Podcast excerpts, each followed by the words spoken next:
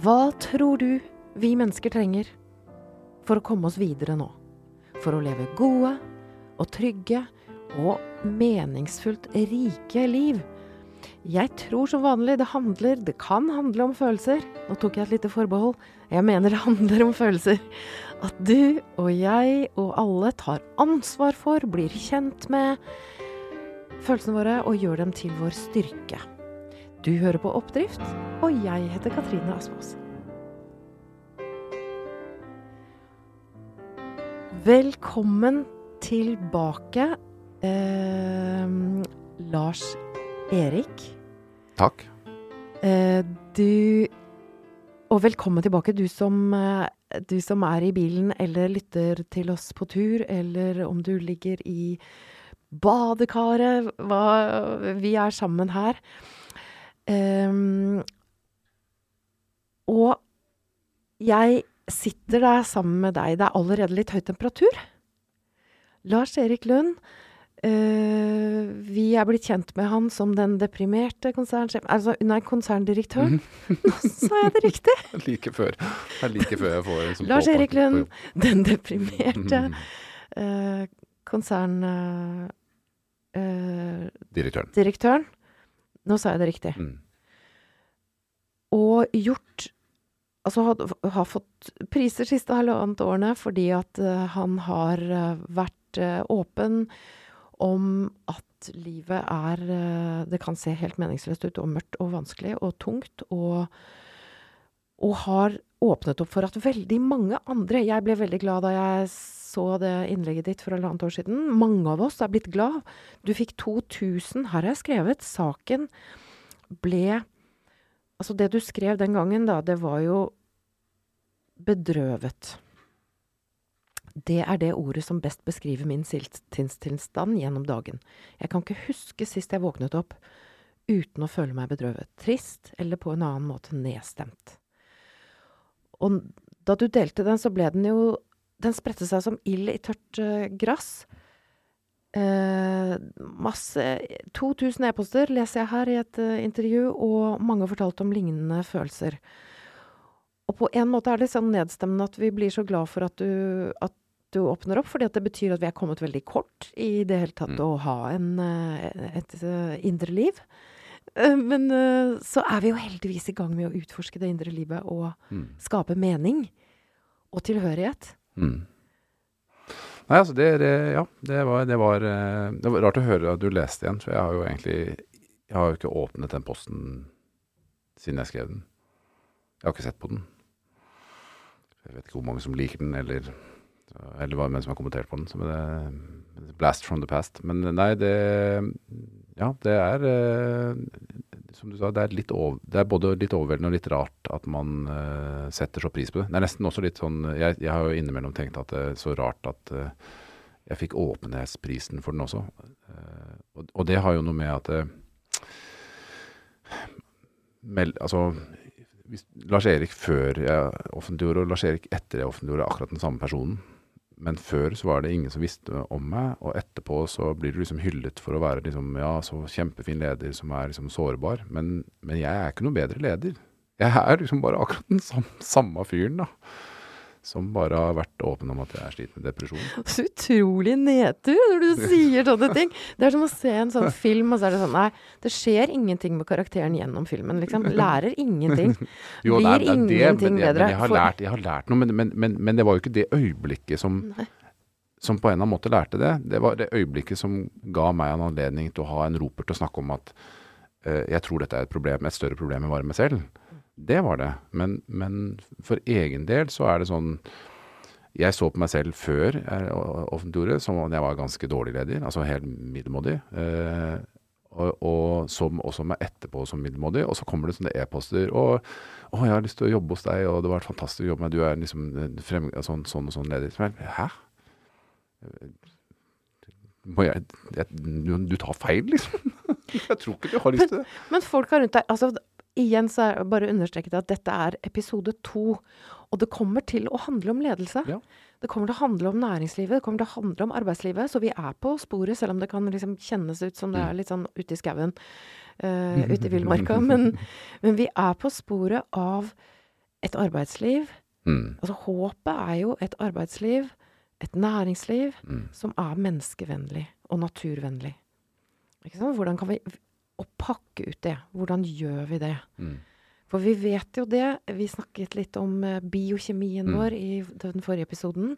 Du har opplevd depresjoner. Jeg Mm. har opplevd depresjoner. Mange, mange, mange. Mm. Og det viser seg jo at det kan i ofte, mange sammenhenger være eh, kontinuerlig stress. Mm. Altså en kontinuerlig stressituasjon i kroppen. eh, som er sånn fight Mm. or flight. Eh, hvis vi har liksom stresshormonet kortisol eh, Hvis vi har liksom masse Ik- hvis vi har, deadlines vi har- vi har- vi har det. jo det, Mm. ikke sant? Sånn at vi har et veldig høyt nivå av stress. Mm. Som går på å være perfeksjonister, eksempel. Både du og jeg har jo egentlig gått på den smellen. Um, og, og gjør det jo igjen, ikke sant? Men, men uh, vi vet jo aldri hvor den løven kommer fra. Uh, og så blir vi stressa. Så hvordan kan vi lage oss et arbeidsliv der både Der vi alle tar ansvar for oss sjøl og hverandre? At vi at vi, har det, at vi har det bra. Ja, hvordan kan man lage et arbeidsliv der formålet er at hver og en av oss faktisk har det bedre når vi går ut av arbeidslivet når vi gikk inn? Eh, hvordan, hvor, fordi, La oss ta et, et utgangspunkt her. da. Et av utgangspunktene som jeg syns er litt merkelig, det er at vi skapte jo et næringsliv, næringsliv og arbeidsliv eller bedrifter og virksomheter, enten det er i form av altså non-profit-virksomheter eller andre virksomheter. Alle sammen er jo designet for å på en eller annen måte serve de behovene vi har. Men i dag så er rett og slett næringslivet egentlig skapt mer på at det er, det er vi som skal eh, lete etter hvilke, hvilke behov er det næringslivet har, og hvordan skal vi få dekket de. Og For meg så fremstår det litt rart, da, at ikke vi, at ikke vi ser liksom større på det. At det er, her er det liksom Vi har myndigheter, vi har internasjonale samfunnet, vi har liksom bedrifter, vi har kapitalistiske system, vi har det økosystemet rundt med finansiering og bankverden som skaper infrastruktur og alt dette her som skal til. Og alt er jo Det til svært. egentlig, ja, men alt er jo tilgjengelig for at de skal løse noen utfordringer og problemer og, og, og, og, og, og behov som vi trenger å få dekket. Enten det er i form av, for vår del, av veier og tunneler og hus og kontorer. og For du jobber i Veidekke. jeg jobber i Veidekke, som er en entreprenør. Ikke sant? Og det, og det, men når det viktigste vi etter hvert er Dette blir veldig filosofisk, men det viktigste vi sitter igjen med, det er at virksomhetene skal tjene penger. Liksom, Det er liksom da, og, og hvordan kan vi da effektivt organisere det med medarbeidere som er små maur, som liksom fikser hvordan virksomheten tjener penger. Så, så, så glemmer vi formålet eh, med alt det vi har gjort. Med, med å etablere alle disse ulike virksomhetene. At de egentlig er jo der for å tjene våre behov. Nemlig. Um, og hvis eh, våre behov blir betjent i form av produkter og tjenester, men det ikke blir våre behov som medarbeidere ikke blir ivaretatt, eller eh, slik at man faktisk blir syk av å være på jobb, da, da gjør vi jo ting feil. Og det, og det er jo det man det Gallup var vel ute i fjor i desember og sa at den neste pandemien er mental helse. Ja. Og da ligger vi litt i forkant. Da sørger vi for å ligge litt i forkant. Hva er det dere i Veidekke gjør for å lage det menneskevennlig Veidekke har helt siden 1936 altså tenkt at det viktigste vi gjør er ikke å bygge de broene, det viktigste vi gjør er å bygge de teamene som skal bygge de broene. Så det har jo vært en, på en eller annen måte en, en eh, people first-strategi i Veidekke helt fra 1936 når selskapet ble startet. Hva, hva gjør dere i konkret i den sammenhengen? Kan du fortelle litt om det? Ja, det er jo, det er jo veld, For det første så er det veldig mye ting vi gjør for å sikre at, at medarbeidere kan komme på jobb sånn som de er, og, og, og få lov til å uh, i, ha, ha, vanskelige perioder hjemme, vanskelige perioder med, med mental helse, andre ting, som, fremdeles kunne være på jobb. Og det har vi jo det har vi satset på i alle år. Ha en stor bedriftshelsetjeneste eh, som ledes av en som heter Kjell Åge Sørensen, som har jobbet i Veidekke liksom, siden tidenes morgen. Sørge for at den, denne organisasjonen ivaretar det menneskelige hensynet. Og det, det er ikke så veldig rart. Veidekke som entreprenør, det er ingenting som blir bygget uten at det står en eller annen ute, Uh, en kvinne eller mann, med støvlene på uh, ute i et prosjekt og faktisk gjør jobben. Vi kan liksom ikke tenke oss til at det skal skje. Vi må faktisk få det til å skje. Så den, hos oss så er hjemmekontordiskusjonen litt odde, fordi det er liksom mye ting vi ikke kan gjøre som er rett og slett det vi produserer, kan ikke gjøres på et hjemmekontor. Det gjøres i et helt unikt Det unikt står en med hjelm og Det er en med hjelm, og det er en kran, og det er lastebil Og muskler inn. og liksom, og- ja, mm, eller du mer best av alt så er det liksom rett til muskler eller ikke. Det, vi har jo hjelpemidler som håndterer det, men, men mest av alt med en ekstremt eh, ja, altså en, en, en, både en hjerne og en vilje og en ønske å faktisk få til noe som virkelig, virkelig blir bra. Da. Mm. Eh, og da er det sånn, hvordan motiverer du mennesker til å faktisk eh, eh, komme på jobb, oppleve at de faktisk føler seg trygg på jobb? Det er jo et av de første trinnene. Så hvordan, hvordan sørger vi for at mennesker kommer på jobb og kan kan bidra med alt det de kan, uten at de må bidra med liv og helse. Fordi vi er jo en, en, en næring hvor det har vært store ulykker, hvor vi har hatt flere dødsfall, hvor mennesker har falt fra rett og slett pga. de arbeidsoperasjonene vi gjør. Det er, det er, ting som skal løftes høyt, det er tungt, det er, det er, store maskiner og sånne ting. Så det er jo et veldig viktig fokus. Og så når vi ser at dette har, begynner vi å ha kontroll på, så må vi jo se på hva annet er det. Det er jo ikke bare de somatiske utfordringene. Vi må sikre at de faktisk kan komme på jobb sånn som de er, når de også har utfordring med, med, med andre ting. Eh, og det er liksom starten på et mangfoldsarbeid. Det er jo å begynne med inkludering. Hva, hva, er det vi gjør som gjør at du kan komme på jobb og oppleve at det å, det å være åpen om at det er homofil, det, det, det ikke bare blir akseptert, det blir liksom varmt omfavnet, og, og, vi får til det. Og, og alle disse tingene er krevende, er vanskelig. Det er kjempevanskelig. Men, men, men å, det, å, åpne dialogen og starte dialogen og få det til, det er Hva er det som gjør at det er vanskelig? Men alt, eh, alt er vanskelig som vi ikke kjenner til, ikke sant. Mm. Altså det som Og jeg, jeg, blir også så kritisert for at jeg liksom løfter frem dette temaet privilegier. Rett og slett, og, og i min verden, da, for å liksom forklare hva jeg mener privilegier, så snakker jo mange om dette hvit mann 53, eh, siviløkonom-begrepet, ikke sant. Eh, og det er jo ikke dermed sagt at ikke jeg opplever at jeg har hatt mye vansker på min vei hit til her i dag. Og derfor har ikke jeg privilegier. Men det er ingen av de vanskene jeg har hatt frem til i dag som er liksom definert av at jeg er hvit eller at jeg er mann. Eh, så hvis man snur hele liksom bunken og tenker at eh, hvordan skal jeg sette meg inn i perspektivet til noen som ikke har det jeg har? Altså det vil si, hvordan skal jeg sette meg inn i perspektivet til noen som som, eh, som er kvinne da, på en sånn arbeidsplass. Uten alltid å ta utgangspunkt i at det er, det er, mitt perspektiv som gjelder, det er det som er det riktige. Og hvis du som kvinne ikke kan liksom akseptere mitt perspektiv, så vil du ha vanskeligheter for å jobbe her. Hvordan skaper vi universelle arbeidsplasser der folk kan få lov til å komme akkurat sånn som de er? Og, og her blir liksom diskusjonen ofte veldig sånn galt. og Vi snakket liksom rett før sendingen om dette med økonomi og hvordan teller vi ting. Hvordan teller vi penger? hvordan teller vi liksom, mm. og, og, vi har blitt så glad i å telle penger, at suksess dreier seg om penger, at vi faktisk velger å si at ja, sånne ting som mangfold det skal måles i lønnsomhet. Mm. Så er det supert hvis det skaper lønnsomhet med mer mangfold. Helt, det er ingenting i veien for det. Men vi bommer altså så til de grader når vi begynner å å jobbe med mangfold fordi vi skal ha bedre lønnsomhet. Fordi mangfold i seg selv er et tiltak vi trenger å gjøre noe med. Økt mangfold er viktig fordi folk skal føle Jeg skal kunne føle at jeg kan gå på jobben sånn som jeg er, og være, den, og være trygg i den jeg er. Jeg, jeg, jeg, nikker og Så mangfold er jo ikke viktig fordi det skal være så og så mange eller så og så mange. Mangfold er viktig for deg. Det er, det er viktig for meg. Det er, det, er jo, det er, jo, der, det er jo der det Det handler om frihet. Ja, altså det handler om aktiv inkludering, da. Eh, fordi i dag så gjør vi Tilhørighet gjør, ja, handler det om? Ja, ja men, men, hvem er det som er ansvarlig for at du skal føle deg tilhørig? Er det du som er ansvarlig for at du skal føle deg tilhørig, så vil du gjøre deg til og tilpasse deg en kultur. Altså culture fit. Du vil prøve å tilpasse deg en kultur. Så ansvaret for at du skal føle at du er inkludert og at du hører til, det er mitt. Og mitt. Og mitt og min organisasjon, og som arbeidsgiver, så skal jeg sørge for at du Ja, du skal sørge for meg. Jo, men, altså, men, men, men, men, hvis vi hver eneste dag tenker at for at jeg skal høre til, så må jeg gjøre meg litt annerledes. Mm. Jeg må passe på at jeg liksom ikke gjør sånn og sånn. jeg må passe på, Da, da ender vi med at vi, vi, lager personer som passer i en kultur, og så, så sementerer vi den kulturen. Og jeg er så spent på hvordan dette lander hos deg som hører på. fordi at om du er Altså om du er tannlege eller uh, lærer, eller om du er førskolelærer eller uh, altså, Konserndirektør. Eller konserndirektør, eller Vi er mennesker. Mm. Og det med tilhørighet er så utrolig viktig. Og da kan vi ta fram vår felles venninne professor Brené Brown. Mm som snakker om forskjellen på å passe inn og høre hjemme. Mm.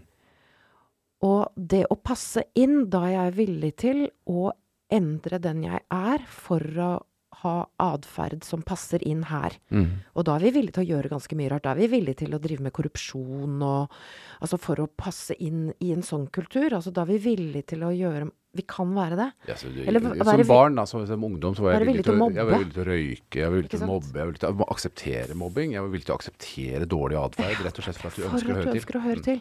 Og så er det den følelsen av å høre hjemme. Mm. Den Mm. følelsen at her hører jeg hjemme. Og jeg vil jo opp, altså komme med en invitasjon da, Mm. til oss alle. At er vi et sted der vi må endre Altså passe inn, så kan det være et veldig godt tegn på at her, nå er tiden inne til å gå en annen vei. Mm. Og til å være For jeg ønsker at du som hører på Alle vi har en unik Du har en unik reise. En unik eh, kunnskapsbase. Det er ingen andre som er som deg. Så vi trenger mer av deg. Vi trenger ikke mindre av deg. Vi trenger ikke mindre av Lars Erik eller mindre av Katrine. Vi trenger mer av det som er unikt for oss. Mm. Og finne steder, eller skape steder der det går an å høre hjemme. Der vi slipper å passe inn. For det er utrolig stressende å passe inn. Det har jeg blitt deprimert av. Mm. Det er full kortisol hele tiden. Det er min opplevelse. Ja, men, det, men jeg tror du har rett. Jeg tror at eh, vi, men vi gjør jo dette her i alle systematikk, ja, alt som dreier seg om systematikk og hvordan vi skal håndtere dette her. eh, så gjør vi det igjen og igjen. Vi, vi, vi ser suksessrike medarbeidere på jobben, og så prøver vi å kopiere de, de nye ansettelsene. Og så finner vi frem de egenskapene de har, og det vi leter etter er noe som, er allerede, vi liksom, som vi allerede har. Vi leter etter likhet. Vi leter Hva etter slags leder ønsker du å modellere? For det å modellere lederskap, det er jo For vi, vi gjør jo det du gjør, ikke det du sier, ikke sant? Som La meg ta utgangspunkt i meg selv, da, hva jeg Ja. syns jeg er skikkelig dårlig på. Ok. Uh, som jeg gjerne skulle vært bedre på. Mm -hmm. uh, jeg, jeg Jeg skulle gjerne vært bedre på å, at utgangspunktet mitt var at jeg hadde tillit til mennesker eh, fra dag én. Liksom rett og slett sånn at det er liksom default-posisjonen er jeg har tillit til deg, og så får du eventuelt motbevise at du ikke får det til, eller at du syns det er vanskelig, og så får vi snakke om hva skal til for at du skal få det til.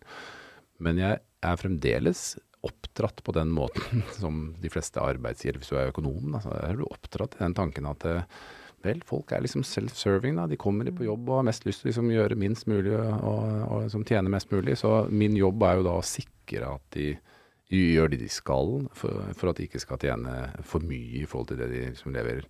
Istedenfor å ta utgangspunkt i at, vet du hva du er, Nå er du voksen. nå er du liksom forbi skolegangen og alle de gangene vi måtte korrigere det. Nå er jo jobben min å finne hva er det du som har av idiosynkratiske egenskaper, og, og, og virkelig liksom løfte frem de tingene som du kan. Så det å, det å gå fra Jeg tenker at noen ganger så har jeg, Jeg sagt det på en scene. spørre, hva er idiosynkratiske Altså det, det, som er liksom, altså det som er særskilt meg. Ja. Kjennetegn, essensen av deg. Ja, ja, det som er, det som er liksom the quirks, da. Hva er det som gjør at jeg er liksom litt annerledes? Mm. Uh, hva er det som gjør at uh, Hvilke ting er det du kan gjøre som når du setter deg ned og gjør den arbeidsgaven, så forsvinner tiden? Mm.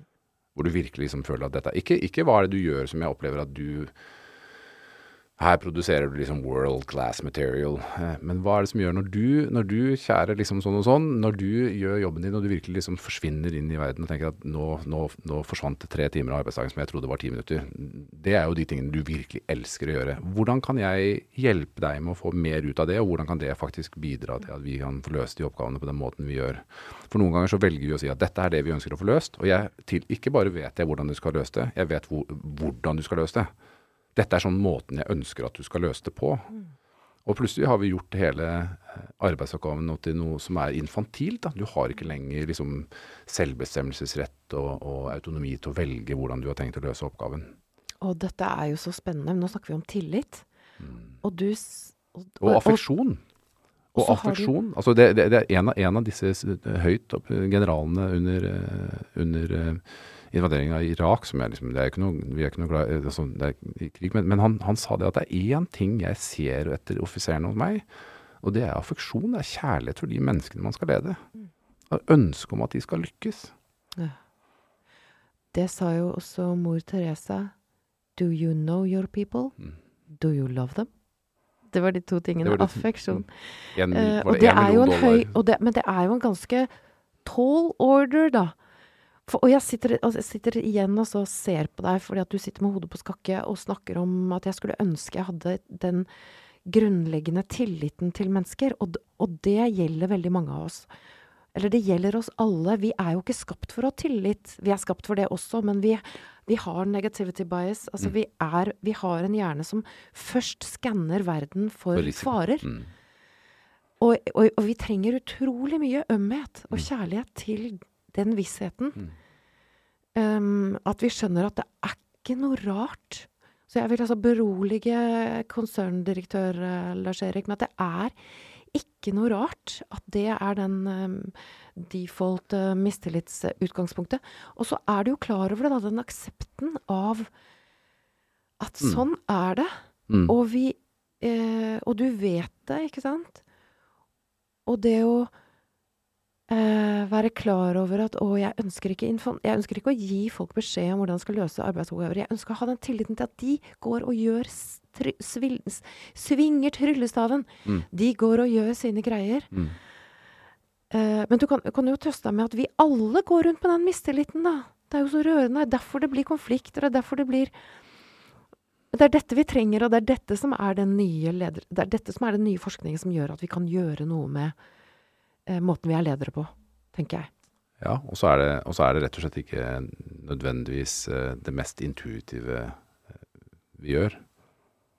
Nei, det er, det- det- kontraintuitivt. Ja, ja, det er vel ikke ja, Kanskje, kanskje det er kontraintuitivt, men, men, men ja. Men du sa sagt igjen, nå skal jeg øh, Jeg har jo lest det, du har sagt Jeg håper ikke jeg har sagt noe sånn. helt annet. Nei, nei, det har du ikke. Det henger Det er kongruent. Mm, Det henger sammen, det, det vi Mm. holder på med, det du sier, med det du gjør så langt. Uh, og når du skakker på hodet og er pattedyr, så blir det liksom enda mer kongruent. For da, da er liksom Da er vi sammen her, ikke sant? I, vi prøver å mm. forstå hvem vi er, og hvordan vi kan gjøre ting på måter som gjør andre mennesker og oss sjøl glad, da, og, Mm. og modige. Men du sier altså da at 'jeg har tenkt' at det å snakke om egen mental helse er tabubelagt. Særlig på jobben, men også blant venner.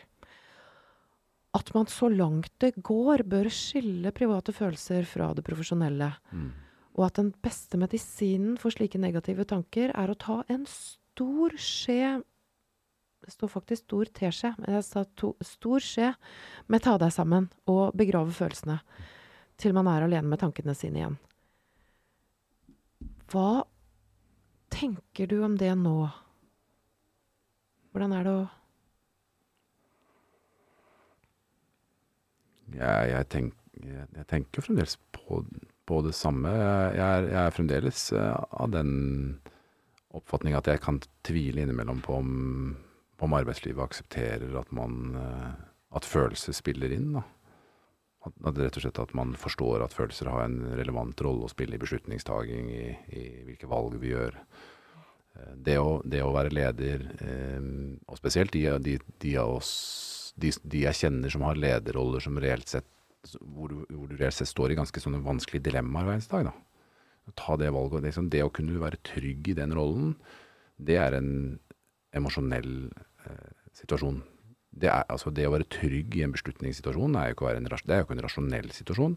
Du kan kun liksom utdype det ut fra å si at jeg har, emosjonelt nå så føler jeg meg trygg rundt beslutningen og, og, og det jeg faktisk gjør. trygg Hvordan- nok? Mm. Hvordan, hvordan gjør du det uten at du faktisk har kontakt med følelsene og forstår at hvilke følelser er det som påvirker hva?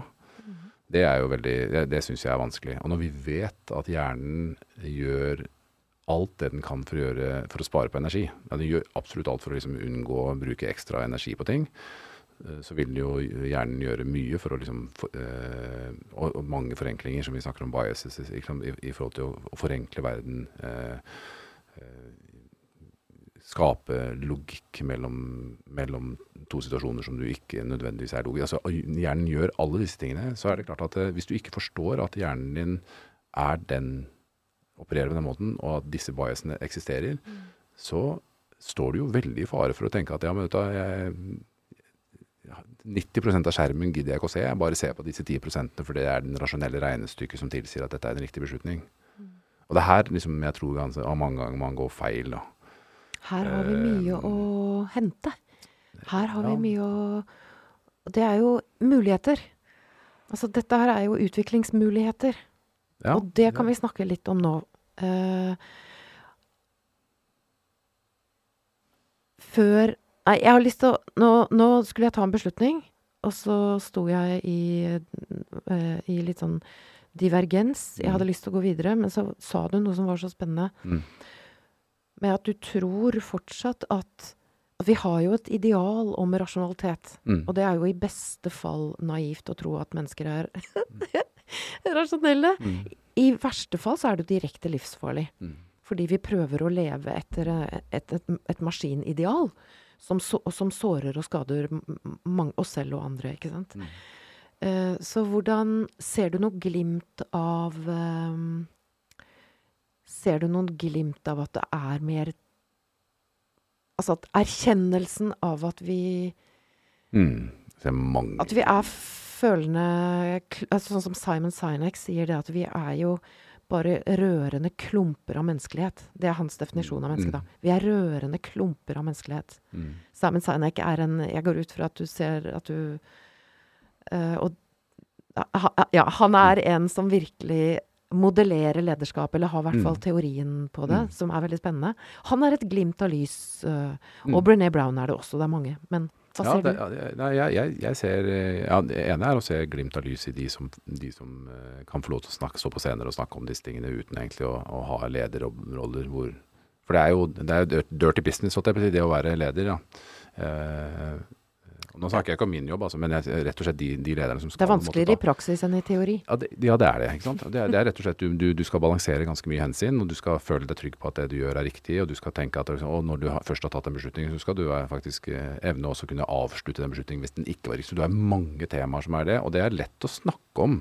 Eh, og det er veldig lett å snakke om med en som liksom har konserndirektør i tittelen sin, og, og i tillegg til det jobber med sånne fag som heter strategi og bærekraft, som egentlig er ganske allerede flytende eh, begreper. da.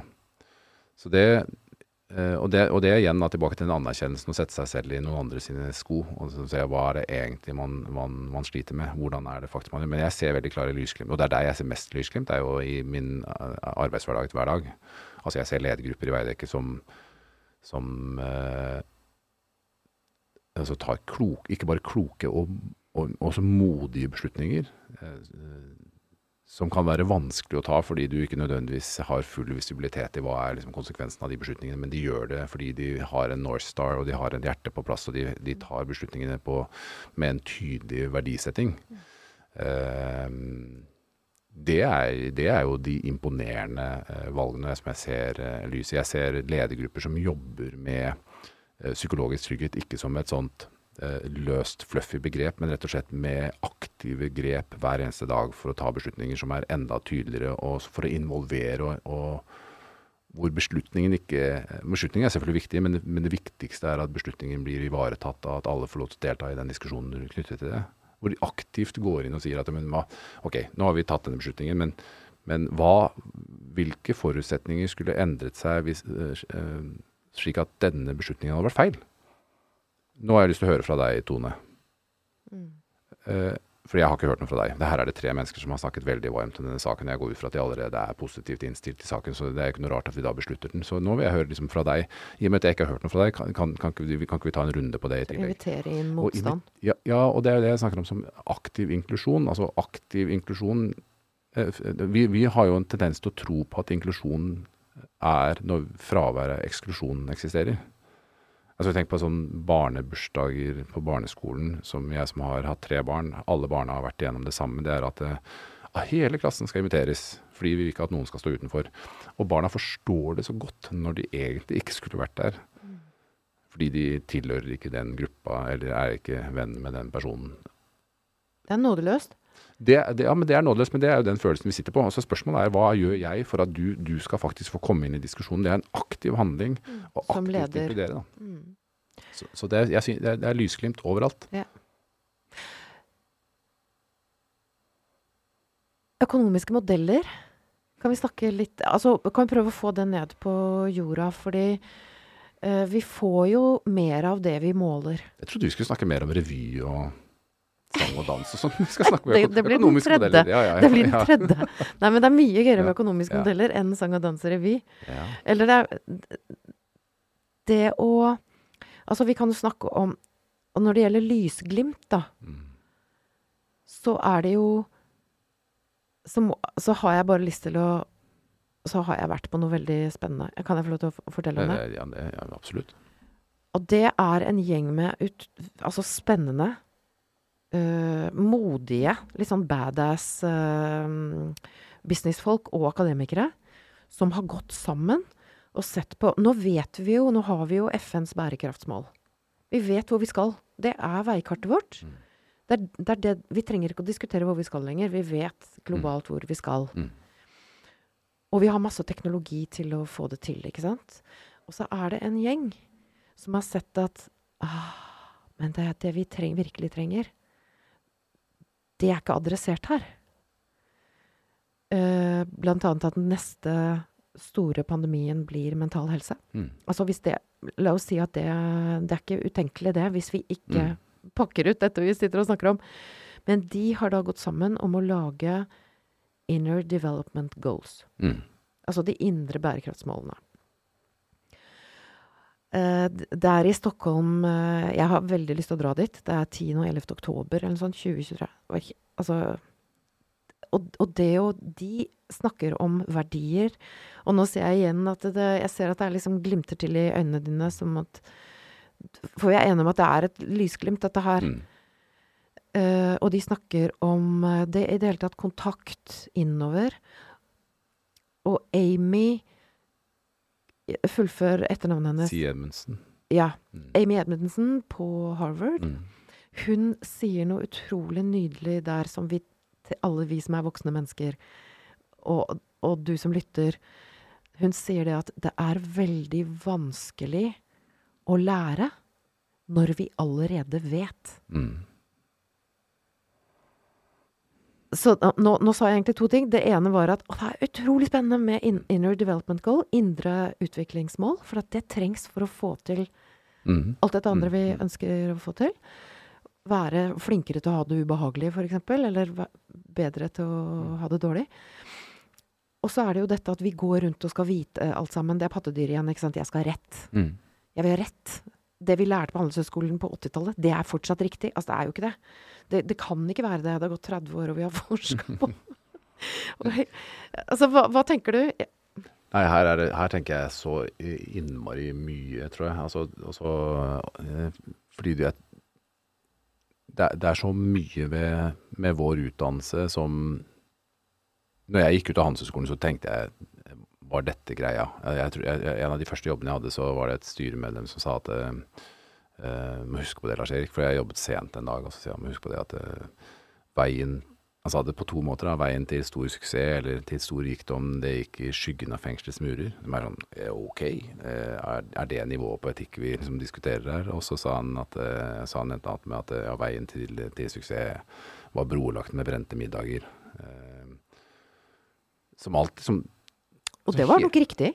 ja, det, ja, absolutt. På den tiden. Og, ja, og, og, og, og, hele begrepet med at liksom, den der suksess var det, det viktigste, og at det skulle brente middager til, eller at man måtte liksom, eh, omtrent liksom balansere på en veldig hårs, liksom, veldig skarp linje mellom hva som er etikk og ikke er etisk, eller hva som faktisk er kriminelt. Da.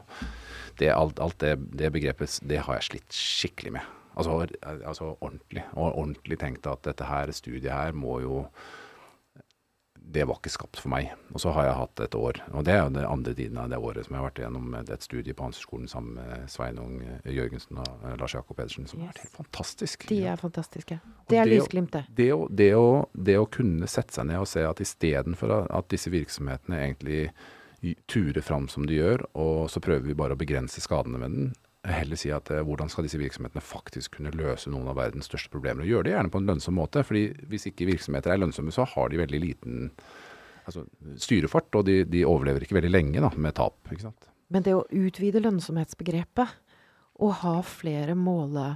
Ja, altså, og så se hva intensjonen er, da. Hva er liksom, eh, jeg, jeg, jeg, noen, ganger så, noen ganger så tenker jeg at liksom det, når, når, når jeg har kollegaer og, som også sier at ja, men vet du hva, vi, vi er jo her for å tjene penger. Altså, vi er jo ikke her for å tjene penger.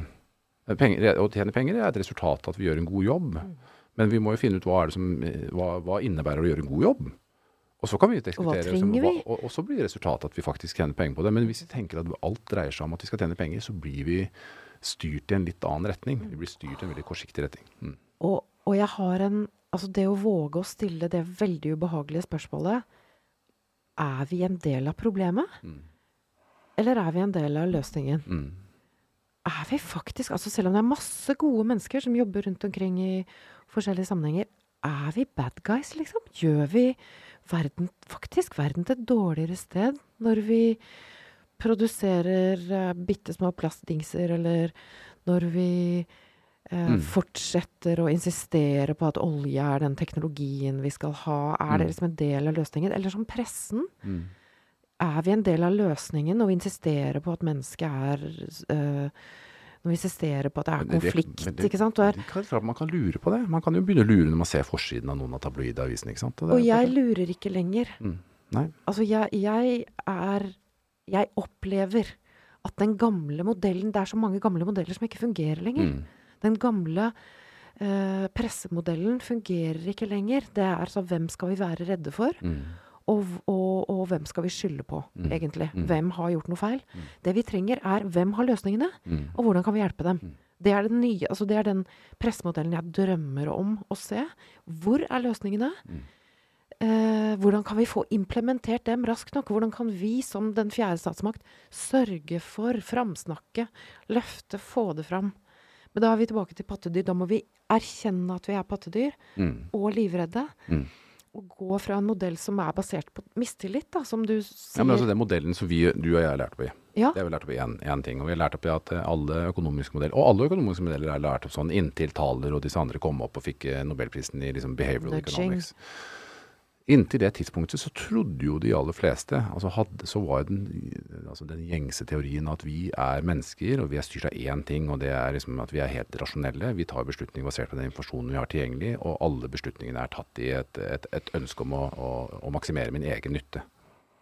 Og det er klart at når du gjør det, så er da det That makes sense. Da, det, det, da blir blir det tydelig at denne distinksjonen mellom arbeidstaker og arbeidsgiver er basert på en konflikt.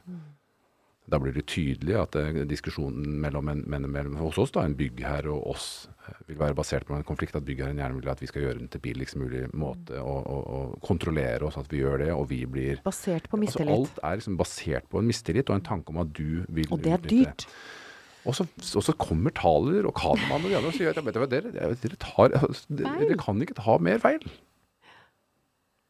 Og, og dette eh, fremstår for meg som, som eh, liksom den Og det er jo det lysglimtet jeg opplever. Og så er jo diskusjonen da i Dagens Næringsliv siden sider når det gjelder etikk. Eh, skal siviløkonomstudentene ha etikkundervisning ved siden av eh, de andre fagene, eller skal det faktisk inkluderes i de valgene de gjør? Så blir det jo helt sånn Er det mulig, liksom? Og det er der Inner Development Goals kommer inn som en sånn, i min verden, en orkan Ja. av erkjennelse og verktøy for uh, å drive med den indre utviklingen som vi trenger for å ta valg som er menneske-, dyre-, naturvennlige. Mm. Og komme oss bort fra Komme oss fra mistillit til det vans den vanskelige tilliten. Mm. Eh, Men det er det, det som virkelig er fascinerende når du begynner å se på, på bærekraftsdiskusjonen for norske virksomheter. Det er jo det de til nå har tenkt på som en sånn compliance-utfordring. Altså hvordan skal vi det liksom, må du forklare. Compliance. Compliance, altså det, det er regeletterlevelse. Altså hvordan skal jeg etterleve de vanskelige reglene? Mm. Slik at jeg liksom ikke gjør noe som er feil, jeg ikke trår feil. At jeg liksom er innenfor. Det er jo liksom der bærekraftssituasjonen først og fremst ble etablert. Og så tror jeg nå det å se de positive effektene næringslivet og kapitalismen faktisk kan gjøre når man, når man set their mind to it, da.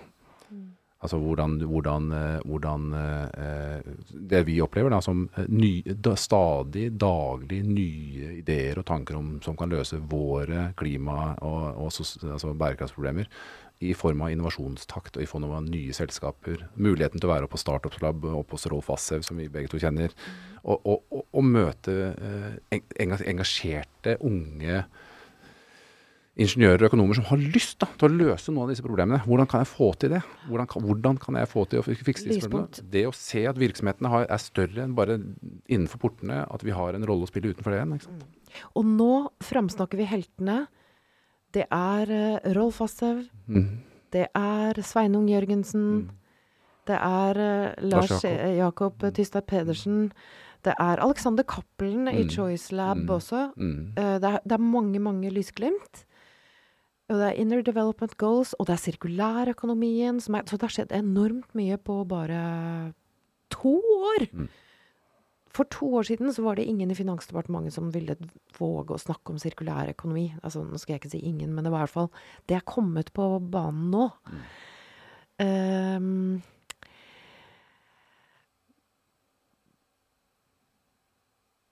hva Hvordan skulle du ønske Eller hvordan ser du for deg et arbeidsliv om uh, eh, 20 år? Når dine barn uh, er 40? Ja, da ser jeg for meg et arbeidsliv ja, det, det er når mine Jeg håper da ingen av de må gå liksom 25 år av arbeidslivet sitt og så etterpå tenke at var Hvorfor tok jeg ikke den beslutningen når jeg var 25 istedenfor når jeg er 53? Men øh, jeg, jeg, jeg, håper jo at vi på, på, et eller annet tidspunkt eh, Det jeg har snakket om når jeg snakker om å, å eller inverte pyramid, eller snu pyramiden, er, er, jo å se på virksomheter ikke som, som byråkratiske systemer som hvor, hvor, alt skal liksom flyte oppover til en eller annen toppleder, og, og, hvordan det skal løses. Men hvordan skal vi lage et næringsliv og et arbeidsliv der vi har fokus på den enkelte medarbeider, og de, eh, hvordan denne, denne ene eh, skal faktisk få til det potensialet og den motivasjonen og det engasjementet og entusiasmen som ligger i det, og oppleve at det er en utvikling gjennom det arbeidslivet man har. Det, den, den, snureisen, den, den uh, har vi jo ikke egentlig begynt på. Jeg, og, og det, sant, det å gå fra å lete etter alt som er feil med mennesker, til å lete, og bare lete etter det som er sa, idiosynkratisk, eller det som er liksom ditt talent. Det, hvordan skal jeg jobbe med, og hvordan skal jeg finne fram til det som er, er deg? Eh, det unike DNA-et deg, og jobbe med å få det til, fremfor å lete etter alt det du ikke kan. Og liksom, hvordan skal du ha Excel-kurs, for du er ikke så god til å ordne med Excel. Der, der skulle jeg gjerne sett at verden var. Det bestiller vi. For jeg tror at Hvis du ønsker deg mangfold, så må vi jo øh, Vi må framsnakke talenter, vi må fremsnakke øh, de egenskapene. Alle sammen har en egenskap eh, relativt til de andre som er, er, noe de ønsker å jobbe videre med. Og det er bedre å jobbe med det, eh, og heller eh, finne andre som kan løse de tingene vi ikke er så gode på. For det er det mangfoldet liksom bidrar til. da. Mm. Jeg, jeg, håper at uh, ditt arbeidsliv, uh, at vi går den veien. Det er jo opp til oss. Det er jo mm. vi som skal gjøre dette her. Det er jo deg og meg og alle du som hører på. Det er vi som skal mm. foreta disse endringene her og se etter det beste i hverandre. Og vite at ah, det er hjernen min som helst vil se at det er det som er skummelt, ja. Mm. Uh, så det er den ene sånn feilslutningen sånn, vi har. Den andre feilslutningen som vi snakket om ute før vi gikk inn, det var det at jeg sammenligner jo mitt kaotiske indre med ditt perfekte ja. ytre. Eller ditt sånn mm. uh, Og det samme gjelder oss alle sammen, at vi går rundt og padler mm. helt uh, Altså det er et mye større kaos innvendig, så hvis vi kan begynne å dele fra det kaoset uten å Altså vi begynner å snakke sant fra hva som skjer på innsiden. Da. Det er der de Inner Development Goals-gjengen uh, Ja, begynne, begynne, å dele av det tingene som vi syns er vanskelig. Eh, hvis du vil ha hjelp, så er det, det er den letteste måten å få hjelp på, er å fortelle hva jeg ikke får til. Det, er så, ja, det er så vanskelig, og nå sitter vi med hodet på skakke igjen, for nå kommer pattedyret. Ja, men det går ja, da fra vil, høyre til venstre. Jeg vil jo være være jeg vil jo være så flink, og jeg vil klare det selv, og ja. ja men, det, men, men, er ikke det Det er en ting som jeg, jeg har slått meg som jeg syns er veldig rart. Liksom vi snakker om unique selling, eh, altså hva er USP-en til produktet? Hva er unik selling? Altså, hva er det som er liksom spesielt Hva er det som er spesielt med det produktet? Hva er det som er annerledes med det produktet som mm. gjør til å selge? Det er jo siviløkonom lærer, men hvis du ser hvordan siviløkonomer kommer ut i markedet, så er det jo helt klin like alle sammen. Ja. Så ja, det er jo ingen av de som leter etter hva er det som er mitt unique selling point, liksom. Vet du hva, nå, nå fikk jeg lyst til Nå ble jeg plutselig Pattedyret mitt slo inn igjen. og jeg, jeg, tenkte å, unique selling point? Hva er eh, emosjonell styrketreningens unique selling point? Mm. Vil du vite det? Mhm. Jeg tror faktisk jeg har det. Mm. Det handler om at du kan glemme å være din beste versjon. Vær god og tålmodig med den versjonen du er. Mm. Der starter endringen. Vær aksept. Mm. Det er sånn du snakker om ah, Det er den versjonen jeg er, ja. Den pepperkakedeigspisende eh, for, eh, Altså sånn rørende klump av menneskelighet Mm.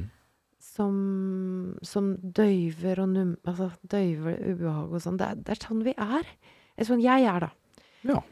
Eh, så det å være god og tålmodig med den versjonen du er Det er i hvert fall et startpunkt. Og så betyr jo ikke det at vi ikke kan få lov til å utvikle og bli flinkere på de tingene vi føler at det ikke går. Men det å, det å, Mm. ja, det å, det å orke det jeg, eh, eh, Marcus Buckingham, som er en annen forfatter du sikkert har lest, eh, Marcus Buckingham er kjent fra, fra Gallup, han sa jo det, liksom, det, er, det skal ikke mer til i en arbeidshverdag enn at du har 20% av hver eneste dag jeg gjør noe som er av en sånn karakter at du liksom glemmer hele tiden. Ja. Det er nok. 20 at Da, det flyter. da hæler du alt de andre 80% liksom. Men hva med å snu det? Hva med å skape det sånn at 80% Nå blir jeg veldig ambisiøs igjen. 80 Ja, men det er, liksom, det, det er igjen da, så jager du etter da, Ja, noe som er vanskelig å få til. Liksom. Så istedenfor så er det liksom er- Akseptere de ja, 20%, altså, Det kan godt være at det er 25% eller 30% du får til, men ofte så går vi jo rundt og snakker Og det sier Buckingham også, at det, eh, gjør din hobby om til noe du driver med, liksom. Og det er, liksom, det er lykken her i verden. Men som han sa, det, det er jo ikke nødvendigvis lykken, det. det. Du er OK fotballspiller, og så blir du proff, og så er det ikke Da mister du jo hobbyen din, i hvert fall. Nettopp. Så det, så det, så sier han men, men, men finn det der ene som du liker. Hva er, hva er det rett og slett som du liksom virkelig Og jeg har noen sånne ting. Det å stå på scenen for å presentere, det er sånn Hvis jeg kan få gjøre litt av det, så, så redder det mye av resten. Eh, Eller hvis jeg kan få lov til å jobbe med denne, denne og lese frem til liksom, hva er problemstillingen, og hva er den reelle crux i dette problemet, hvordan skal jeg få løst det. Sånne ting liker jeg. Og da, da, må, man da må man vite hva det er, da. Altså. Mm.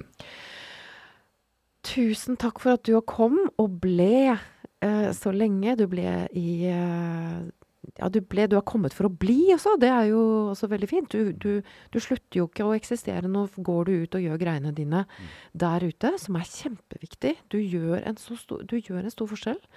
Du er en del av vårt øh, eh, Den rørende klumpen av menneskelighet, og får det ut, sånn at vi kan bli. Få det bedre med oss sjøl og med hverandre, som jo egentlig er eh, noe av meningen med det hele, i hvert fall. Tusen takk, Lars Erik Lund, for at du var her. Takk for at jeg fikk komme. Og tusen takk for at du hørte på, brukte din dyrebare tid med oss og våre økonomiske modeller. Gå ut, fortsett å gjøre det som gjør deg eh, glad. Finn 20% om dagen, så er det fint. Og vær god og tålmodig med deg sjøl. Så høres vi.